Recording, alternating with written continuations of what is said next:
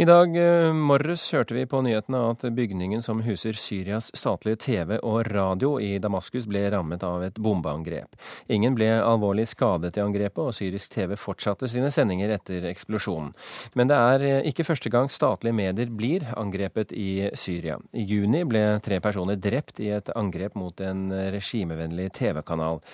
Kai Kverme, prosjektkoordinator fra Institutt for kulturstudier og orientalske språk ved Universitetet i Oslo. Hvorfor er det viktig for opposisjonen å angripe det statlige TV-huset?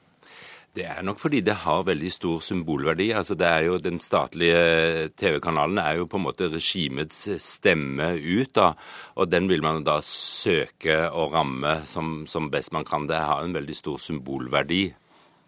Hvor stor er oppslutningen om de nasjonale TV-stasjonene i, i, Syria? Ja, Det er jo veldig vanskelig å si. Det er jo ikke et land hvor man kan foreta frie meningsmålinger og undersøke dette på en ordentlig måte. Man må jo anta at bildet i Syria er likt det som det er i andre arabiske land, og har vært, nemlig at de nasjonale, eh, statlige, altså TV-stasjonene, har i mange mange år tapt voldsomt terreng til disse store, uavhengige panarabiske kanalene som Al Jazeera og Al Arabiya, som tør å være kritiske til, til de arabiske regimene. Så det er ikke slik at eh, befolkningen i Syria bare forholder seg til, strengt til de regimevennlige kanalene? Nei, ikke i det hele tatt. Altså I Syria, i likhet med, med, andre steder, så er det nok andre kanaler folk går til for å få nyheter. Altså I tilfelle Syria så har man jo den situasjonen at både Jazeera og Arabia veldig klart har tatt stilling for opprøret i, som foregår i Syria. Det samme har en rekke libanesiske TV-stasjoner som man også veldig enkelt eh, ta inn i, i Syria. Så altså regimets, eh, altså det statlige TV-stasjonen, altså de står ganske alene sammen med Al-Manar, som er Hizbollahs eh, TV-stasjon, så står de ganske alene på den siden og, og, og støtter da regimet. Men det er jo klart også for motstandere av regimet så går man jo til syriske TV hvis man vil ha en offisiell versjon av ting. Men hvordan får opposisjonen ut sin informasjon? da? Altså, Det gjør de på forskjellige måter. En ting er at opposisjonen bruker internett veldig aktivt, slik som også disse andre revolusjonene rundt i den arabiske verden har gjort.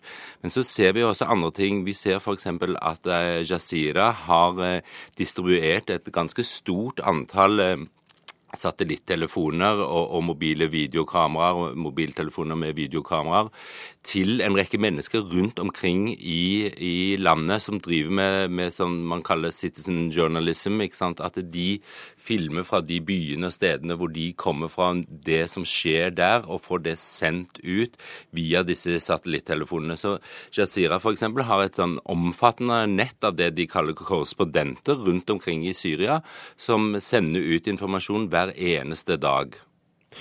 Um Regimet får hjelp fra sine allierte innen media, men hvem er disse allierte egentlig? Ja, De allierte til regimet i, eh, i, Syria er jo først og fremst Russland, i mindre grad Kina, selv om de spiller jo en rolle, de også. Iran og den libanesiske Hizbollah-gruppen, og for så vidt også noen andre libanesiske grupper. Så der får man mye hjelp. Altså, Russland har jo også en eh, arabisk TV-stasjon, eh, Russia Today, altså Russia Yaum, som sender 24 timer i døgnet på arabisk. Men dette er jo en TV-stasjon med relativt liten seeroppslutning, vil man anta.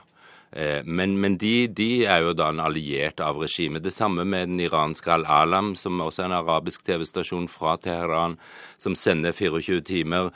Som jeg nevnte, Hizbollah sin, eh, sin TV-stasjon, og også aviser tilknyttet disse gruppene.